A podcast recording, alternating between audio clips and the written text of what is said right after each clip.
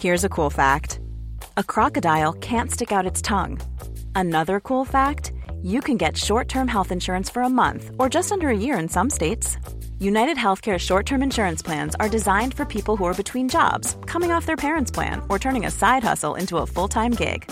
Underwritten by Golden Rule Insurance Company, they offer flexible, budget friendly coverage with access to a nationwide network of doctors and hospitals.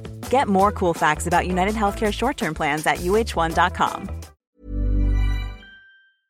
Hormoner är en naturlig och livsnödvändig del av kroppen. Ändå finns det en stor okunskap kring hormoner och vi märker att många inte känner till hur menscykeln eller olika preventivmetoder fungerar. Den här okunskapen kan skapa en rädsla för hormonbehandlingar eller hormonella preventivmetoder och också göra det svårt att veta om och när man ska söka vård för mensrelaterade besvär. Hormoner diskuteras ofta i media, men ibland saknas en vetenskaplig grund för informationen och osanningar och myter sprids och får fäste. Vi på Babys podcast tror att kunskap kring kroppen och dess funktioner bidrar till en stärkt självbild och ett ökat välmående hos kvinnor. Det är ju just därför vi gör den här podden. Kunskap är makt helt enkelt. Därför vill vi tipsa om en hemsida där du kan få den vetenskapligt grundade fakta du behöver och förtjänar. Hormonguiden.se är ett initiativ av Gedeon Richter och är en hemsida framtagen i syfte att öka kvinnors kunskap om hormoner. Som barnmorska och gynekolog gillar vi verkligen den tydliga informationen med bra bilder, strukturerad genomgång av menscykel och preventivmedel. Gör dig själv en tjänst och skaffa dig mer kunskap om din kropp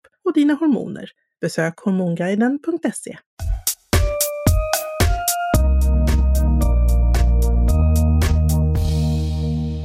Som gravid erbjuds du att göra ett ultraljud, ett så kallat rutinultraljud eller RUL, i vecka 18 till 20. För vissa är rutinultraljudet det första fina mötet med bebisen i magen, samtidigt som syftet med ultraljudet framförallt är medicinskt.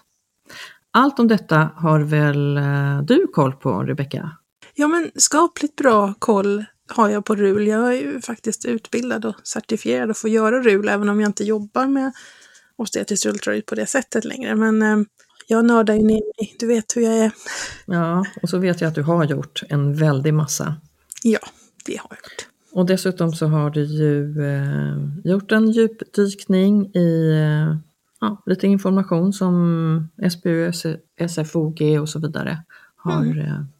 Eh, som information, så därav eh, ett informativt avsnitt. Så välkommen till ännu ett informativt avsnitt av Babys podcast. Karina barnmorska här. Och Rebecka, gynekolog.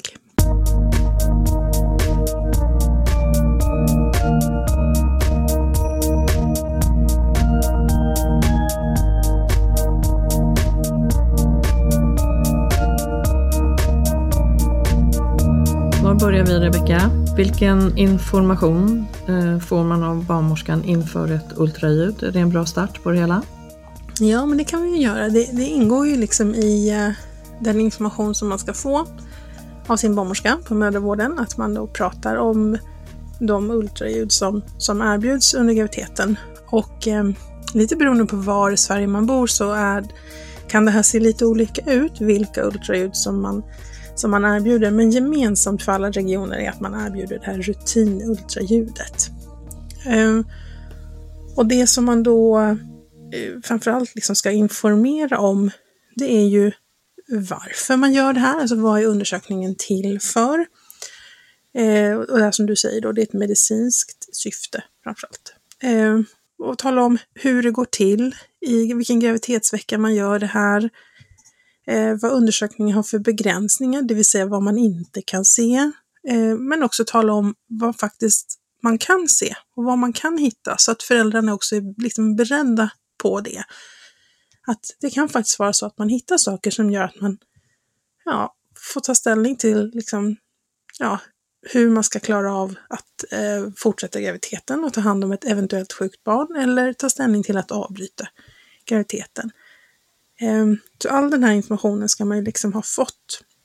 Och dessutom ha lite tid då som blivande förälder att ta ställning till om man vill göra det här eller inte. För det är ju totalt frivilligt. Det här är ju ett erbjudande som man tackar ja eller nej till. Så, så man kan väl ändå säga att den här informationen innan är ju väldigt viktig som all mm. information och att ett samtycke, du sa att det är frivilligt så att eh, jag förmodar att går man dit på det här eh, ultraljudet då så, så har man ju ändå tackat ja. Ja, precis. Och då ska man ju ha fått information om vad det är man tackar ja till också. Så att säga, vad, det är, vad det är vi ska undersöka och vad vi inte ser och vad vi möjligen kan se. Och därav så är det kanske viktigt också att eh, informationen kommer i tidiga veckor. Ja, absolut. Och det här, den informationen brukar ju komma väldigt tidigt därför att eh, redan vid inskrivningsbesöket så är det ju väldigt många som, att man skickar remissen för ultraljudet redan då. Faktiskt. Så att den för det behövs en remiss? Kommer upp. Ja, det behövs en remiss, precis. Barnmorskan på mödravården skriver en remiss till en ultraljudsmottagning där man gör det här ultraljudet.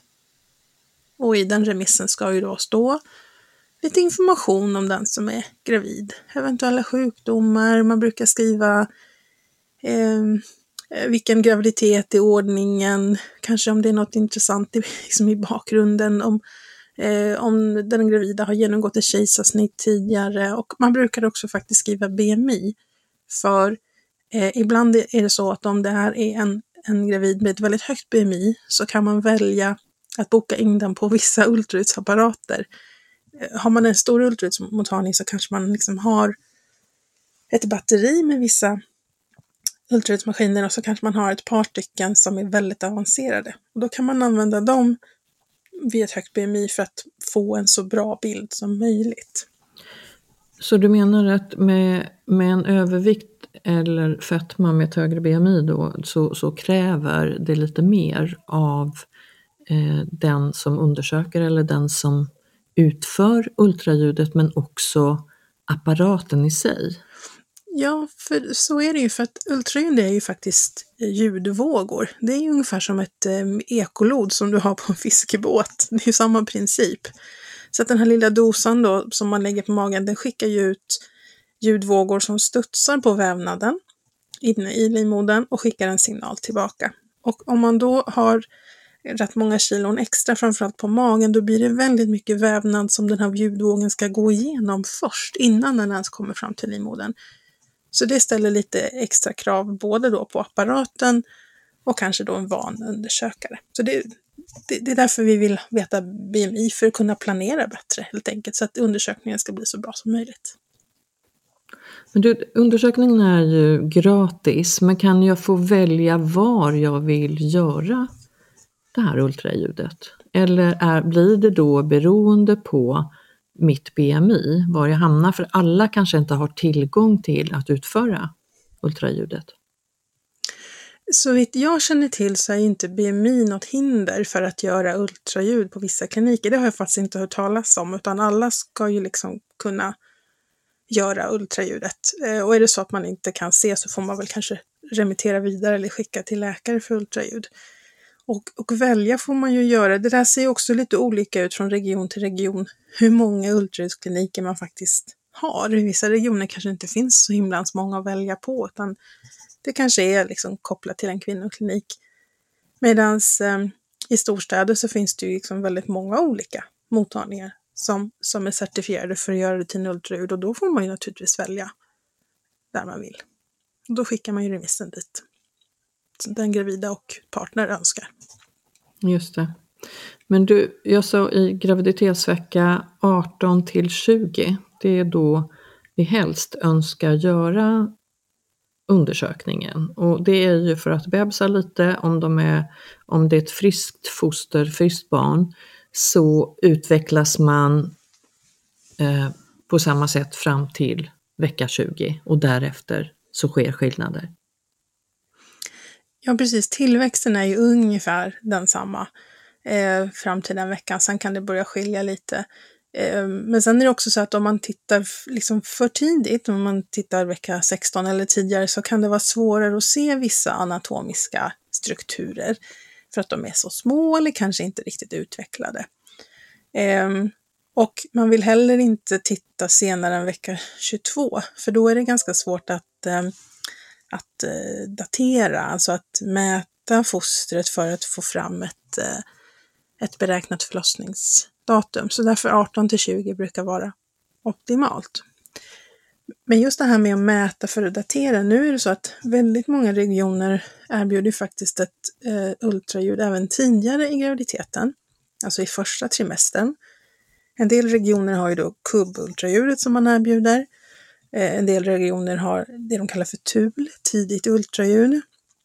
Och då tittar man i vecka 11 till 13 ungefär och går att göra en datering då, det vill säga mäta och bestämma eh, graviditetslängden och beräknat förlossningsdatum, då är faktiskt den dateringen lite mer träffsäker än den man gör i vecka 18 till 20. Och då kan det ju bli så att man har daterat i vecka 12, men man gör ändå ett rutinultraljud för att titta på de andra sakerna som man ska titta på. Och, och hur ser träffsäkerheten ut där? Menar du med dateringen? Ja, med dateringen av, ja, av ja, den, är, den är väldigt bra. Den är ju bättre i trimester 1 än i trimester 2. Och den är ju eh, avsevärt bättre än att gå efter sista mensdata. Så är det. Mycket bättre. Eh, de som, enda som vi faktiskt inte gör någon datering på, det är ju de där man har gjort IVF, där man vet exakt, eh, man vet liksom äggplockningsdatum och när befruktningen skedde. Eh, då, då har man ju redan fått ett beräknat datum beroende på när, liksom, eh, när återförande var och hur gammalt fostret eller embryot var då. Så de daterar vi inte, men övriga daterar vi. Men du, varför, eh, och, och då säger du TUL, då kan man erbjuda och det blir allt fler som erbjuds det här tidigare eh, ultraljudet. Men det här RUL, det är väl ändå så att de flesta, även om man har gjort det tidigare, även går på det här rutinultraljudet? Ja, ja, precis så är det. För att det är ju, eh, de kompletterar ju varandra kan man ju säga. Så att det är också så att även om man kan titta på ganska mycket anatomi eh, redan i vecka 12-13 så kan man inte se lika mycket som man kan se eh, i vecka 18 till 20. Och något annat som man inte heller kan bedöma så där tidigt, det är ju till exempel var, mo var moderkakan ligger. Om den ligger lågt eller inte, det, det är liksom för tidigt att säga det i vecka 12-13. Så att rulen rekommenderas ju och erbjuds ju ändå, även om man har gjort ett tidigare ultraljud. Men du, om man har gjort en rad ultraljud, jag vet för några år sedan så sa man, det, det var ju väldigt många bebisar som kom ut med handen ut med kinden. Det känner du igen? Att man föds och har sin hand Mm, ja. mot kinden. Ja. Eh, och, och då sa man att eh, teorin var, och det här är ju ett antal år sedan då, att man hade gjort ultraljud och att barnet låg och liksom skyddade sig mot det som skulle då vara, Mm. jag vet inte, farliga men, men ändå ultraljudsvågor som, som påverkade barnet. Skröna, eller hur? Mm. Det är en skröna. Det är absolut en skröna. Det har man ju inte kunnat visa. Alltså man har forskat väldigt mycket på det här med ultraljud och hur det påverkar graviditeten, hur det påverkar fostret. Och man har tittat på sånt som barnets födelsevikt, man har tittat på tillväxten, eh, både före och efter födseln. Man har tittat på eh, om barnet har en ökad risk för tumörsjukdomar, man har tittat på inlärning och motorik och språkutveckling. Och där har man inte kunnat hitta någon som helst skillnad då mellan de som har gjort eller utsatts då för ultraljud och de som inte har gjort det. Det enda som man har kunnat hitta eh, det är att de som har eh, då fått flera ultraljud under graviditeten så är det lite vanligare med det man kallar för icke-högerhänthet. Det vill säga att man antingen är vänsterhänt eller att man är både höger och vänsterhänt samtidigt. Att man inte har någon preferens. Så det har man kunnat se framförallt hos, hos pojkar. Men man är inte helt säker på hur sambandet är där, utan det är någonting som man liksom bara har eh, sett att det finns ett samband, men hur det hänger ihop vet man inte. Otroligt intressant. Ja, och det kan jag tycka att vänsterhänthet kanske inte är något eh, så farligt. Jag tror att med, några i min närmsta familj här skulle hålla med att det, det kan man väl vara. Och det ju, finns ju ärftliga komponenter i det, så det behöver inte ha med ultraljud att göra alls. Hjärnhalvorna att göra. Extra, Men extra som- händiga, extra kloka Precis. människor. Kan vi säga. Och det där kommer min, min Mm. man och min bonusdotter Ja. gilla att du sa. Ja, nej men, men det är ju ändå så att vi har ju respekt för ultraljud. Eh, och, och vi försöker ju alltid att göra Alltså att inte göra onödiga undersökningar. Vi gör bara undersökningar när det finns ett, ett medicinskt syfte, en medicinsk indikation. Och vi har också ganska stränga regler kring hur lång tid ett ultraljud får pågå.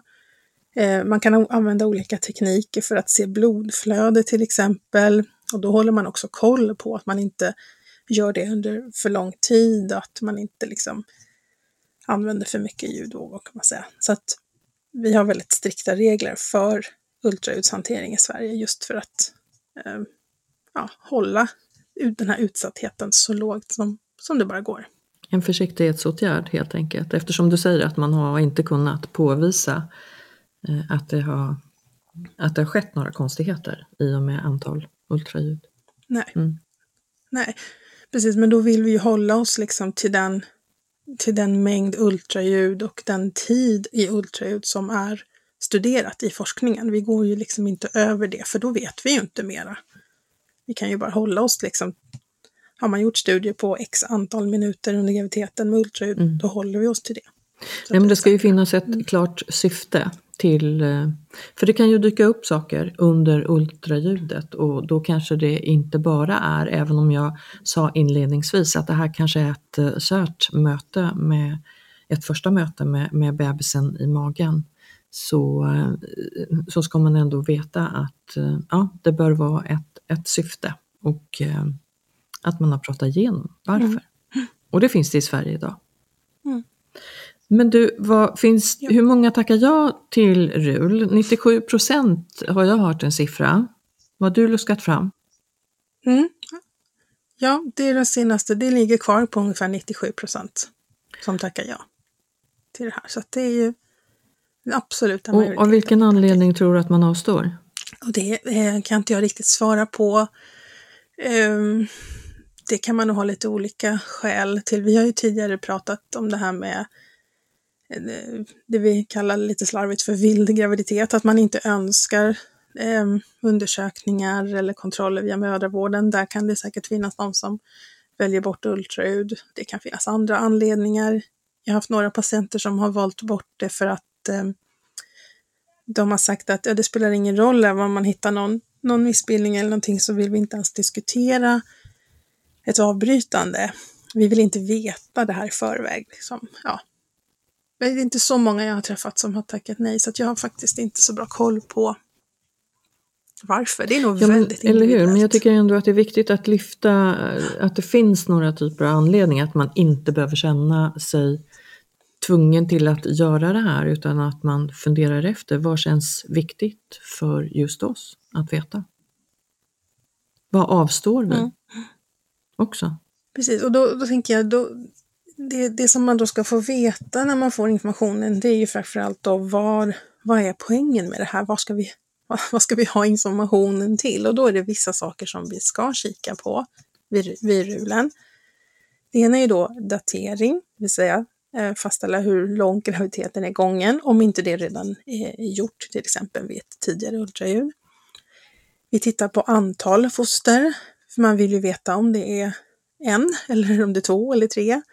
Och det kan vara väldigt viktigt om det är flerbörd, alltså tvillingar eller trillingar, att man vet det tidigt så att man kan planera för alla extra kontroller som rekommenderas. Och sen tittar vi på moderkakans läge, det vill säga om den sitter lågt eller kanske till och med ligger för inre modermunnen. Och det här är ju jätteviktigt att veta inför förlossningen sen, för ligger moderkakan lågt eller till och med ligger för, då är det ett förlossningshinder med stor risk för Och blödning. stor risk för barnet. Så tittar vi på... Ja, precis. Barn och mor. Vi tittar på fostervattenmängd, för den är ju viktig. Det ska finnas fostervatten runt hela fostret. Det är viktigt för att fostrets armar och ben ska kunna utvecklas normalt och också för att lungorna ska kunna utvecklas normalt. Och sen tittar vi igenom anatomi efter en väldigt detaljerad, strukturerad checklista för att se om det finns några avvikelser. Och poängen med det är ju då dels att eh, helt enkelt vara beredd om det är så att det här barnet föds med någon typ av avvikelse som, som kanske behöver opereras. Då kan det vara så att man kanske behöver vara beredd på det. Man kanske behöver föda på en viss klinik där man har möjlighet att direkt operera. Eller en förlossningsklinik där man har barnläkare så att man direkt kan ta hand om barnet. Men också för att om det är en svår avvikelse där det kanske inte är så bra prognos, att man också då har möjlighet som blivande förälder att, att välja att avbryta den här graviditeten. Så det är där som är liksom syftet med RULen. Ja, det är viktiga beslut där ändå, när, när det sker avvikelse. Väldigt.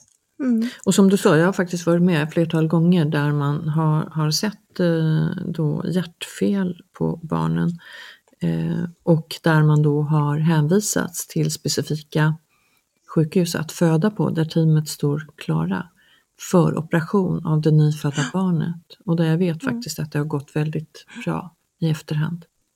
Mm. Fantastiskt. Och det, just med hjärtfel så kan det ju verkligen vara helt avgörande att, att man vet om det i förväg eh, och föder på, på rätt klinik. Så att det går fort att, att ja. ta hand om barnet. Men du, hur, hur säker är ett rutinultraljud eller metoden som sådan? Du menar, menar du säkert är att man hittar ja, men, saker? Ja, ja. Eller? Ja. Man kan säga så här att det beror lite grann på vilken typ av avvikelse vi pratar om. Vi kan ju inte se allt med ultraljud, så är det ju. Eh, ultraljud är ganska bra på att till exempel titta på hjärnan. Eh, om det är någon missbildning eh, kring hjärnan, eh, kanske avsaknad av hjärna eller att det är någon skallmissbildning. Det är ganska lätt att se med ultraljud. Ehm, det är också rätt så lätt att titta på ryggraden och ryggmärgsbråck. Det brukar vi eh, kunna hitta i stort sett alla, i liksom närmare 100 procent. Det är lite svårare att titta på hjärta och mag-tarmkanalen. Så där är siffrorna lite lägre, eh, huruvida man verkligen hittar allting. Men eh, att eh, eh upp, eh, upptäckta avvikelser Eh, samen sa man tidigare var, eh, gick till 98 procent. Nej, det beror ju på vilken avvikelse man menar. Eh, och jag tror inte man kan säga 98 procent och bunta ihop alla. Jag, man brukar oftast titta mera på olika grader. Och vi, vi, har ju liksom också mål och riktlinjer när det gäller hur pass bra vi bör vara eh, som ultraljuds undersökare. Målet är ju att vi ska hitta 100% av alla med anencefali, det vill säga de som eh, har en avvikelse som gör att man inte har en hjärna. Eh, gastrokisis som är en, en missbildning i bukväggen där tarmarna hänger ut som ett, eh, alltså utanför bukväggen. Där ska vi hitta 95 procent. Ryggmärgsbråck ungefär 80. Diafragmabråck är svårare, där är målet att hitta 50. Och de komplicerade hjärtmissbildningarna, eh, där är det så pass svårt så att där är, har man ändå satt målen att, att hittar vi 25 procent av dem så är det väldigt bra. För att det är jättekomplicerat att titta på hjärtat. Så, och det blir ju inte 98 procent om man slår ihop det där. Nej, det gör det verkligen inte. Men du, vad är det som gör att det blir svårare med vissa missbildningar? Eller avvikelser? Ja, det har ju till exempel att göra med Ja, alltså strukturer i hjärtat, de är ju väldigt, väldigt små. Om du tänker att ett foster i vecka 18 väger ungefär 200 gram och är mellan 15 och 20 centimeter lång, då kan man föreställa sig hur litet fosterhjärtat är. Eh, och det gör att liksom stora strukturer i hjärtat som förmak och kammare och hur kärlen avgår, det kan vara lite lättare att se. Men små saker eh, kan vara svårare att se, just för att det är så litet. Hjärtat rör sig hela tiden också, vilket gör det svårt. Eh, hjärtat ligger liksom inne i bröstkorgen, så det är väl, ljudvågorna ska igenom liksom mammas hud och fettväv och livmodervägg. Så att ju mindre strukturer, eh, desto svårare är det ju att se. Så är det. Har det stor betydelse hur bebisen ligger och, och, i magen? Ja, det kan det ju ha, ha absolut. Um, det är ju svårare att till exempel titta på hjärtat om, om fostret har lagt sig med ryggraden mm. ut mot mammas Såklart. För då skydden med rygg, ryggkotorna. Men eh, de flesta, brukar ju, flesta foster brukar vara ganska hjälpsamma och flyttar på sig om de är vakna och är de inte vakna så kan vi ju puffa lite och gunga lite på magen eller be mamma ställa sig upp och dansa lite magdans. Och så får man titta igen. Och ibland är det så att ja, man tittar igenom hela sin checklista och sen är det ändå någon sak som ja, det här har inte jag kunnat se, det här har inte jag kunnat bedöma. Då får man eh, komma tillbaka på ett nytt besök. Och så hoppas man på att fostret har lagt sig bättre den dagen och så tittar man på den strukturen den dagen. Så, så kan man ju också göra. Det är inte så att allt måste göras på en och samma dag. Man kan Precis. ta tillbaks. Men du, om, om man hittar nu avvikelser, är man flera barnmorskeläkare som tittar samtidigt då? Ja, så, så gör vi. Vi hjälps ju åt väldigt mycket. Att vi eh, liksom ber kollegor komma in, kan du titta? Eller eh, att man liksom där och då tillsammans gör det. Eh, man kan också göra så att man sätter upp en ny tid, som jag sa. Eh, och då kanske man sätter upp en läkartid istället för det man kallar för riktat ultraljud. Eh, då är det en läkare som gör undersökningen och har längre tid på sig. Då, eh, nu kanske det är lite olika från ställe till ställe, men där jag jobbade då hade man en timme för ett riktat ultraljud, medan rutinultraljudet var avsatt en halvtimme. Eh, och är det ytterligare mer komplicerat, då kan man ju faktiskt eh, ta in andra specialiteter också. Man kan låta eh, barnkardiologer, alltså barnläkare specialiserad på, på barnhjärta, att låta dem eh, göra ett ultraljud också på mamman för att bedöma fostrets hjärta. Så att man, man kopplar in de kompetenser som man behöver för att få så bra svar som möjligt helt enkelt. Och det låter ju fantastiskt och där måste vi jobba över gränserna liksom för att eh, få bästa information. Men utbildade på de här eh, rutinultraljuden under graviditet eller ultraljud överlag, det är ju både barnmorskor och läkare. Så att eh, eh beror på var du hamnar någonstans, vem, vem som gör det, men båda kan utföra den här typen av undersökning. Mm. Och, och, vi har ju vi har i Sverige liksom en, en strukturerad nationell utbildning eh, som då både barnmorskor och, och eh, läkare går. Eh, och då är det först en, en eh, utbildning där det är, det är både teori och praktik som avslutas med en eh, väldigt diger tenta. Sen efter det så åker man tillbaks till sin hemklinik och jobbar, men då gör man det under handledning så att man har en äldre kollega med sig som eh, står bredvid eller som man hela tiden kan fråga.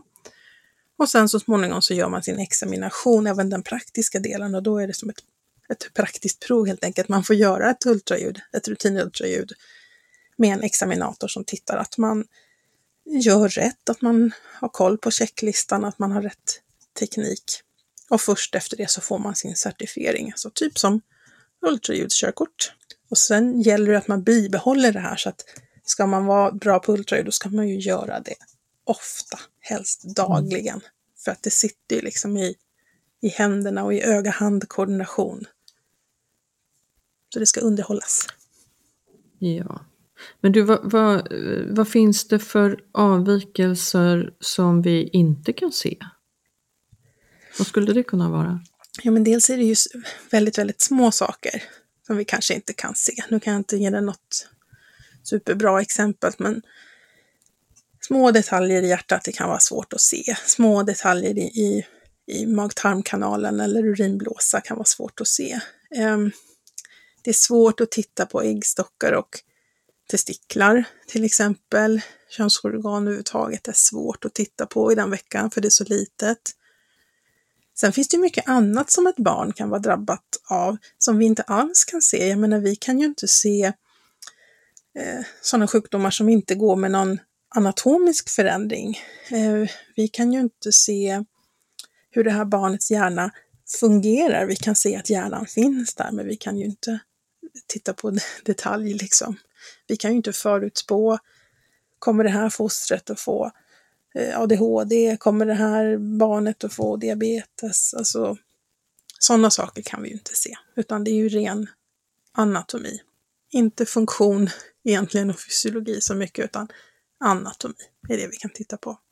När tror du att vi är där, Rebecka? Ja, men hallå? Titta ska ta fram min spåkula. Ja. Ja. alltså jag tror att vi kommer att bli bättre och bättre och kunna se mer och mer och komplettera ultraljud med andra undersökningar också. Men vi kommer aldrig kunna veta och se allt. Det tror inte jag. Det, nej, och sen och kanske vi inte behöver vi veta allt. Frågan är om vi Ja. verkligen vill veta allt. exakt.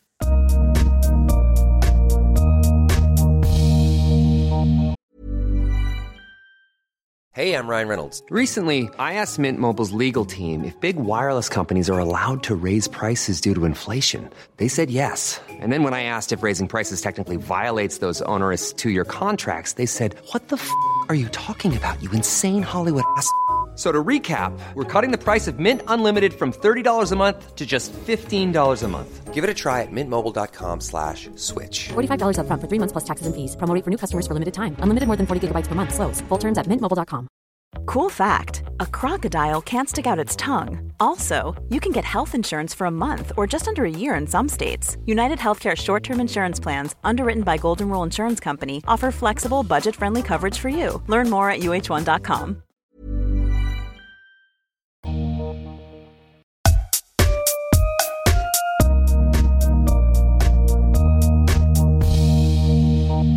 Ja, spännande är det ändå. Visst var det kul? Jag har ju bara stått bredvid eh, och sett när man gör ett antal ultraljud av olika slag och framförallt senare i graviditeten. Det är ju väldigt spännande. Jag gör ju ibland ultraljud själv för att, för att se om, om, om man är osäker på om, om det är rumpa eller ett huvud Mm. ner när, när man ska föda eller inför kejsarsnittet till exempel.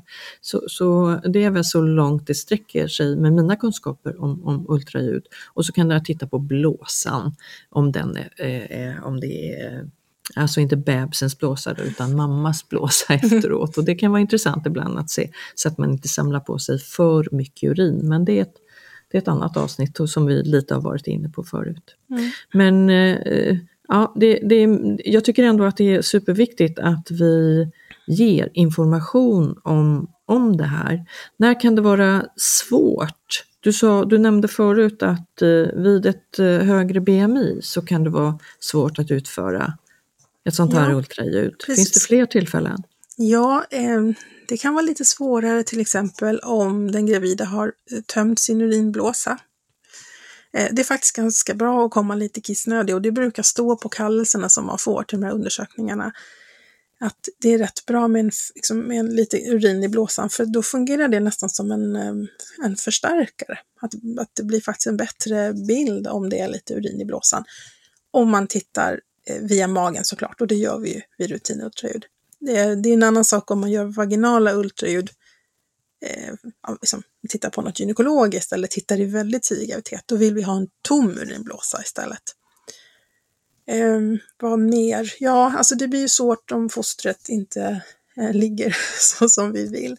Om, om den här lille vännen har lagt sig med rygg, ryggraden utåt och bestämt ligger kvar så, då blir vissa saker svåra att titta på, som hjärtat eller vi tittar ju liksom på, på, eh, på läppar och, och käke och sådär. Det blir ju också, och, profil blir ju också lite svårare. Men då får man puffa och buffa och eh, eh, ta tillbaka om det inte funkar. Men det är väl Vid ett senare de. tillfälle när den har Ja, precis efter några dagar runt? så kan man Mm. titta. Mm. Men det är väl framförallt de faktorerna som kan krångla lite. Ja, just det.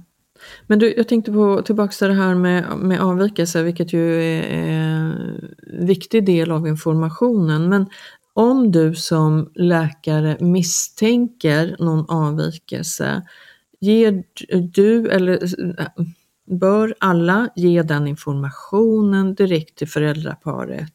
Eller tar man tillbaks av anledning att man är så pass osäker så att man tar hellre tillbaks och att man tittar en gång till eller flera gånger till och med flera ögon? Mm.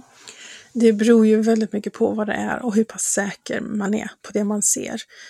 Eh, känner man sig tveksam så ta in kollega direkt och, och, och titta. Eh, och annars så, om det inte är möjligt så får man säga att ja, jag känner mig osäker på det här. Jag tycker att man ska titta närmare på det här. Så förklarar man varför. Det här kan vara helt normalt och bara svårt att titta på. Eller så är det någonting, men det ska vi kolla vidare på. Vi gör en utökad undersökning och nu ordnar vi en tid för det.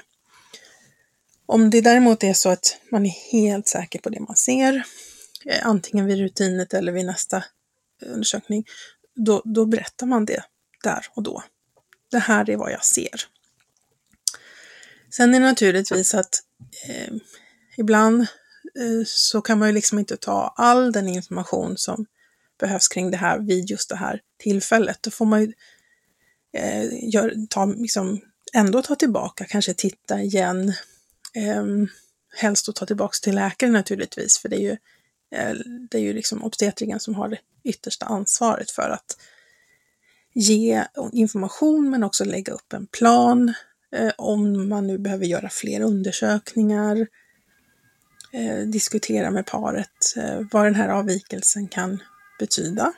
Eh, gärna eh, tillsammans med barnläkare i vissa fall. För barnläkaren är ju ofta bättre på att eh, liksom veta hur kommer det bli för det här, hur blir det för ett barn som är född med den här avvikelsen. Eh, och ofta kan det också behövas kanske samtal eh, och stöd via eh, kurator eller en koordinerande barnmorska på fostermedicinmottagning till exempel. Om det är så att man behöver fundera lite grann kring om man ska fort, liksom fort, fortsätta med sin graviditet eller om man väljer att avbryta om det är en allvarlig avvikelse. Men som förälder så har man ju rätt att få den informationen, men det är ju också svårt därför att om det inte skulle visa sig att vara den här avvikelsen som man kanske tror sig se, så har man ju otroligt mycket oroat föräldrarna under en tid, kanske till nästa, eh, till, till nästa undersökning då. Jo, jo, det är klart. Och det är ju liksom absolut en nackdel med den här metoden och systemet. Eh, samtidigt så går det ju inte att liksom säga så här, ah, nej men det här ser fint ut men vi tar tillbaks i alla fall. Men då har jag ju redan avslöjat att det är någonting som jag eh, har reagerat på. Så att jag tror på att, att vara så rak och ärlig som man bara kan. Att, eh, det här Ja, men är det måste jag, vi ju. ja, det här är vad det jag måste ser. vi. Måste titta vidare Exakt. på det. Och, och Ja. då, då kan det tyvärr bli några dagar eller någon veckas jättejobbig oro. Ehm, Mm. Men det är svårt att komma ifrån. Ja, det är det. Vi kan inte luras, vi kan inte ljuga, vi måste vara uppriktiga eh, och det, det är ju vår skyldighet. Och sen, sen så kan det ju behöva göras flera olika typer av undersökningar. Men det är ju viktigt att man ändå kopplar in alla som det bara går i det här för att se vad är det, vad kan vi göra åt det, finns det någonting att göra åt det, stötta föräldrarna. Så här kan det ju behöva samtalskontakter, kuratorer och så vidare för att, för att man som förälder ska känna att man har ett bästa stöd. Mm. Men, vi, det var mycket om avvikelser, men, men, det, lyckligtvis så är det ju så att det är ganska sällan ändå. Du var inne på det lite tidigare Rebecka, men Ja. det är ju ganska få avvikelser. De flesta bebisar där inne i magen, de har det ju bra, föds friska Ja, och allting är normalt. precis. Och om man, om man tittar på alla rutinultraljud vi gör så hittar vi någonting som är avvikande, kanske hos en till två per hundra gravida. Men då ska man veta att flera av de här en till två faktiskt är falskt alarm. Eh, och ibland så hittar vi saker som inte har någon betydelse heller. Eh, så att det, det är ganska sällan som vi faktiskt hittar något eh, som, som är allvarligt. Så de, som du säger, de flesta barn föds ju alldeles friska. Så att, Skönt att höra faktiskt. Men du, där, när vi gör rutinultraljud, då är det många som vill veta könet. mm, Och du sa förut att det inte det är ibland inte solklart vilket kön det är. Nej, och så här är det ju att, att titta på kön, det ingår egentligen inte, eller det ingår inte alls i våran checklista. Eh, det, är inget, det har inget medicinskt syfte, så det är ingenting som vi ska titta på. Ehm, om det är så att vi ser och är helt säkra på vad vi ser, så kan vi berätta det om föräldrarna vill veta, de kanske inte ens vill veta. Eh, Ibland är det väldigt svårt att se. Det beror lite också på hur fostret ligger. Eh, jag tycker att många foster brukar ha navelsträngen mellan benen och då vet man inte vad det är man tittar på ibland. Så är man inte säker så ska man inte säga någonting, för det kan också bli jättetokigt om man har sagt på ultraljud att det, eh, det här är en pojke. Eh, och så har liksom föräldrarna på något sätt gått och tänkt det och planerat för det och liksom knutit an till den här pojken och så är det en flicka när den föds. Alltså det blir inte bra. Så vi ska vara, känna oss väldigt säkra och se väldigt tydligt om vi ska svara på det. Och som sagt, är det så att, att det här är en undersökning som är lite komplicerad, att det är svårt att titta, då behöver vi använda all den tid vi har för att titta på sakerna som är på vår checklista, som har en medicinsk betydelse. Och då ska vi inte ta tid ifrån de sakerna för att titta på könet. Ser vi det så är det en annan sak, men vi ska inte lägga tid på att titta på det och stjäla tid från någon av de andra strukturerna som vi ska titta på. Men det är viktigt för många. Ja, jag vet att det är det. Mm. Ja. Mm. Um, men som sagt, det är ingenting som egentligen ingår. Vi... Men du, under den här tiden då som man gör undersökningen eh, så får man ju med sig bilder och eh, videor från mm. Det. Många mm. tillåter inte egen inspelning eller att man facetimar med någon som kanske är, ja, inte har möjlighet att vara med. Den andra partnern kanske inte har möjlighet. Eh, jag vet inte, det är väl inte förbjudet överallt, men varför har man varför tillåter man inte det här på alla kliniker tror du? Det är så här att generellt så råder egentligen ett, ett film och fotoförbud på kliniker. Definitivt på sjukhuskliniker men även på många öppenvårdskliniker. Och det här är liksom generellt, det gäller ultraljud men det gäller även i andra situationer. Och det har att göra med sekretess och integritet eh, för både patienter men också för personalen. Så att de flesta ställen jag känner till Eh, så får man inte filma eller fota själv. Men däremot så får man bilder och filmer. Eh, man kan få det till sin mobil, man kan få bilder utskrivna och så vidare. Det kan finnas ställen som har gjort undantag för det här. Eh, det, det vågar inte jag svära på, men, men de flesta brukar ha film och fotoförbud. Eh, under pandemin så var det ju lite speciellt därför att då fick ju inte den gravida ha med sig sin partner eller någon annan anhörig. Så då ändrade de, så vitt jag vet nästan alla eh, kliniker det här så att man åtminstone då fick facetima så att partnern kunde få vara med. För det är ju minst lika viktigt för partner att få se sitt barn eh, på ultraljud. Eh, men sen efter pandemin, eh, när man tog bort den här restriktionen, så har man också gått tillbaks till hur regeln var innan då med film och fotoförbud. Mm. Ja, men det kändes väl humant under den jobbiga tid som var och det här är ju ett viktigt ögonblick. Eh, återigen det här kanske första fantastiska fina möten med sin lilla bebis i magen. Det, eh, ja, det vill man föreviga på olika sätt. Men det är fint att man får med sig bilder och eh, filmer eh, så man kan ha det och titta på. De sitter oftast på kylskåpet eller på någon vägg eller man har med sig det och eh, Ja, det, det är mycket kärlek i det. Ja, men det är, jag har ju kvar mina bilder. Våra grabbar är ju stora nu, men jag har ju kvar dem. Så jag kommer ihåg ja. hur man satt och tittade, så här, vems näsa är det där? Så, ja. ja, vems näsa var det då? Eh, det var pappas näsa. I alla tre fallen var det pappas näsa. Mm. Mm. Men du, eh, Rul, har vi pratat om, rutinultraljud och det finns ju fler undersökningar som kan kompletteras med det här och, och som, ju, som ju också görs. Eh, jag tycker att vi ska prata mer om KUB till exempel i ett eget avsnitt. Mm. Det har vi pratat om men inte i sin, alltså som ett eget avsnitt. Det kan vi väl återkomma till. Mm, det tycker jag. Det är också ett himla viktigt avsnitt som vi behöver göra ett informativt avsnitt om. Men har vi mer information om just eh, rutinultraljudet? Ja, kan Vad tänker du som läkare? Har du några tips, råd inför? Några tips eller Man ska råd? göra det, förutom att inte gå och kissa när du ska göra det. Utan Precis, kom kissnödig. Kom, nej, gå, gå kissnödig. Ja. Eh, ja, nej, men jag tycker det allra viktigaste egentligen tycker jag är det här att eh, tänk igenom innan eh, vad poängen är med det här, vad är syftet? Så att man eh, är beredd på att, att vi är kanske lite tråkiga när vi undersöker, därför att vi är så otroligt fokuserade och koncentrerade. Det här är ganska knepigt ibland och vi har en lång checklista.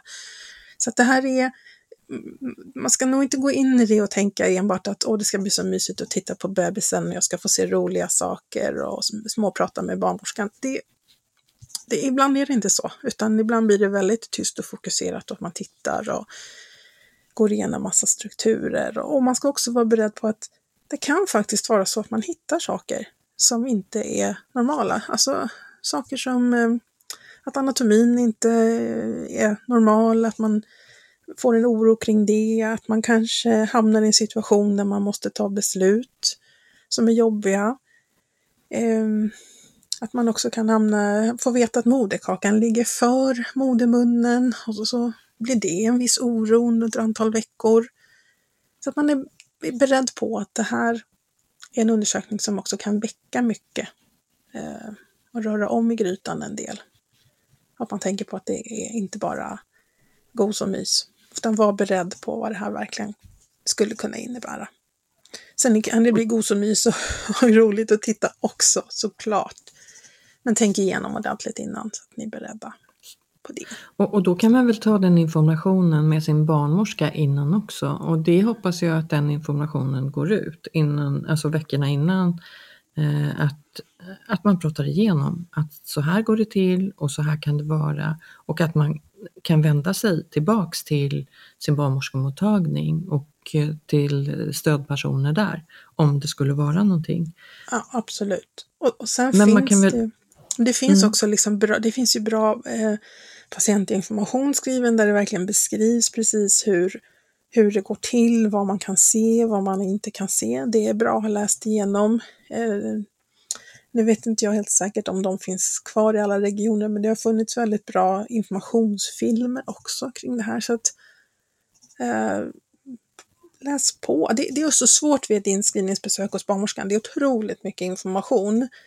Eh, och allt det där ska, kan liksom inte riktigt fastna. Men, men därför är det så bra att sen gå hem och faktiskt eh, läsa på. Och man får ju av sin barnmorska tips på eh, här finns det information om det, här kan du hitta om det här. Men gå hem och, och, och läs och titta i lugn och ro med partner eller någon annan anhörig och låt det sjunka in lite. Men du, jag kommer att tänka på en fråga, för det är ju så bland oss alla att vi har inte förtroende för alla i vår omgivning och så kan det vara som, som gravid. Eh, det är ju väldigt viktigt personer som man träffar genom hela livet men även kanske speciellt under graviditeten. Om jag inte har förtroende för den här eh, då som undersöker eller som gör ultraljudet, man känner att det gick för fort, jag fick inte information, det kändes inte seriöst eller ja, förtroendet fanns inte där. Kan jag få göra om det på, på något annat ställe och det är fortfarande eh, gratis? Väldigt svår fråga att svara på. Eh, det är så här att egentligen göra om det, vi, man gör ju om ultraljudet om det är så att man inte har kunnat se de saker som man behöver se. Och då är det ju vårdgivaren liksom som ta det beslutet. Jag har inte kunnat se det här eller jag har misstanke kring någonting kring det här. Eh,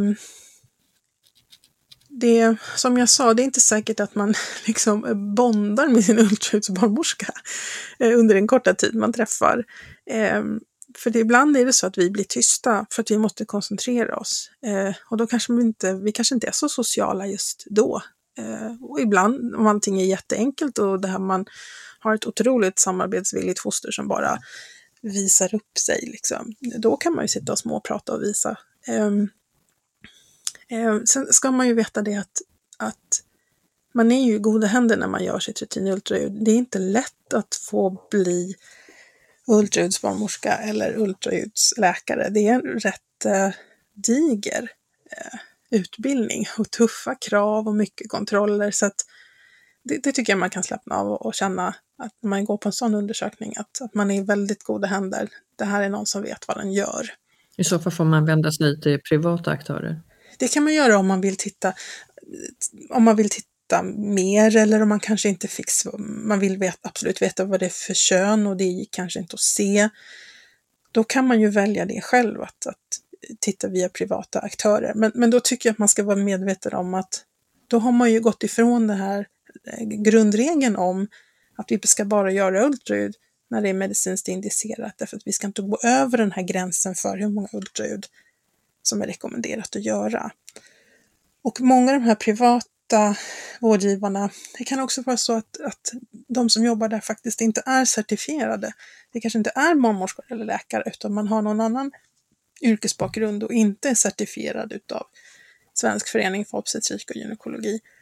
Och, och det, jag rekommenderar egentligen inte de undersökningarna för att samma sak där, man kan då, eh, se saker som inte finns eller misstolka saker. Man kan också, jag har varit med om några gånger att man har liksom sett, eh, sett avvikelser eh, och som inte har varit någonting. Och då har man liksom skrämt upp i onödan. Ja, jag tycker nog att man ska hålla sig till de, de medicinska ultraljud som görs av... Och i alla fall till de som är certifierade. Ja, men jag man... tycker det. Och att man håller sig till medicinska syften. Exakt, exakt. Men det vi, vi, vi rekommenderar ju i alla fall eh, som vårdpersonal, barnmorska och läkare att du gör det. det. Det kan vara viktigt av olika anledningar att göra ett sånt här ultraljud. Du var inne på moderkakans läge, fostervattensmängden. Eh, ja, det kan ha betydelse för födseln sen faktiskt. Så var rädd om er och var rädd om bebisen i magen och se det här första ultraljudet som eh, någonting fint. Ett första möte med bebisen. Ja, Rebecka, mm. det var dagens avsnitt. Det var det, om RUL. Ja. Mm. Det var det om RUL. Hoppas att ni har fått bra information om ett som vi tycker är väldigt viktigt. Men såklart att det är som alltid du som bestämmer som, som blivande förälder. Eh, tack för idag Rebecka. Tack för ett fint avsnitt. Tack själv Karina. Ja, vi hörs snart igen och jag hoppas att ni hänger med oss Babys podcast i alla, alla, alla avsnitt som finns att scrolla ner på bland annat Spotify, Acast eller där poddar finns. Och också så kör vi lite annan och kompletterande information på Instagram. Ba eh, vad heter det? Ett och inget annat. Ja, så heter vi. Så heter vi. Ja, så. Men ha det så gott där ute. Tills nästa gång. Ta väl hand om Massa kärlek från mig, Karina Barnmorska. Och Rebecka gynekolog.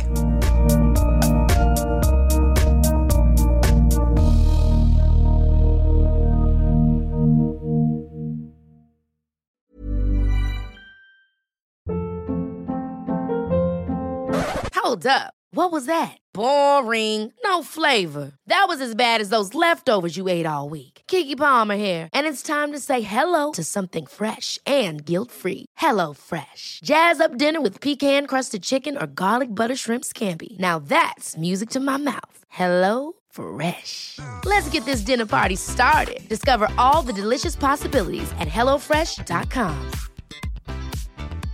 Even when we're on a budget, we still deserve nice things. Quince is a place to scoop up stunning high-end goods for 50 to 80% less than similar brands. They have buttery soft cashmere sweaters starting at $50, luxurious Italian leather bags, and so much more. Plus, Quince only works with factories that use safe, ethical, and responsible manufacturing. Get the high-end goods you'll love without the high price tag with Quince. Go to quince.com/style for free shipping and 365-day returns.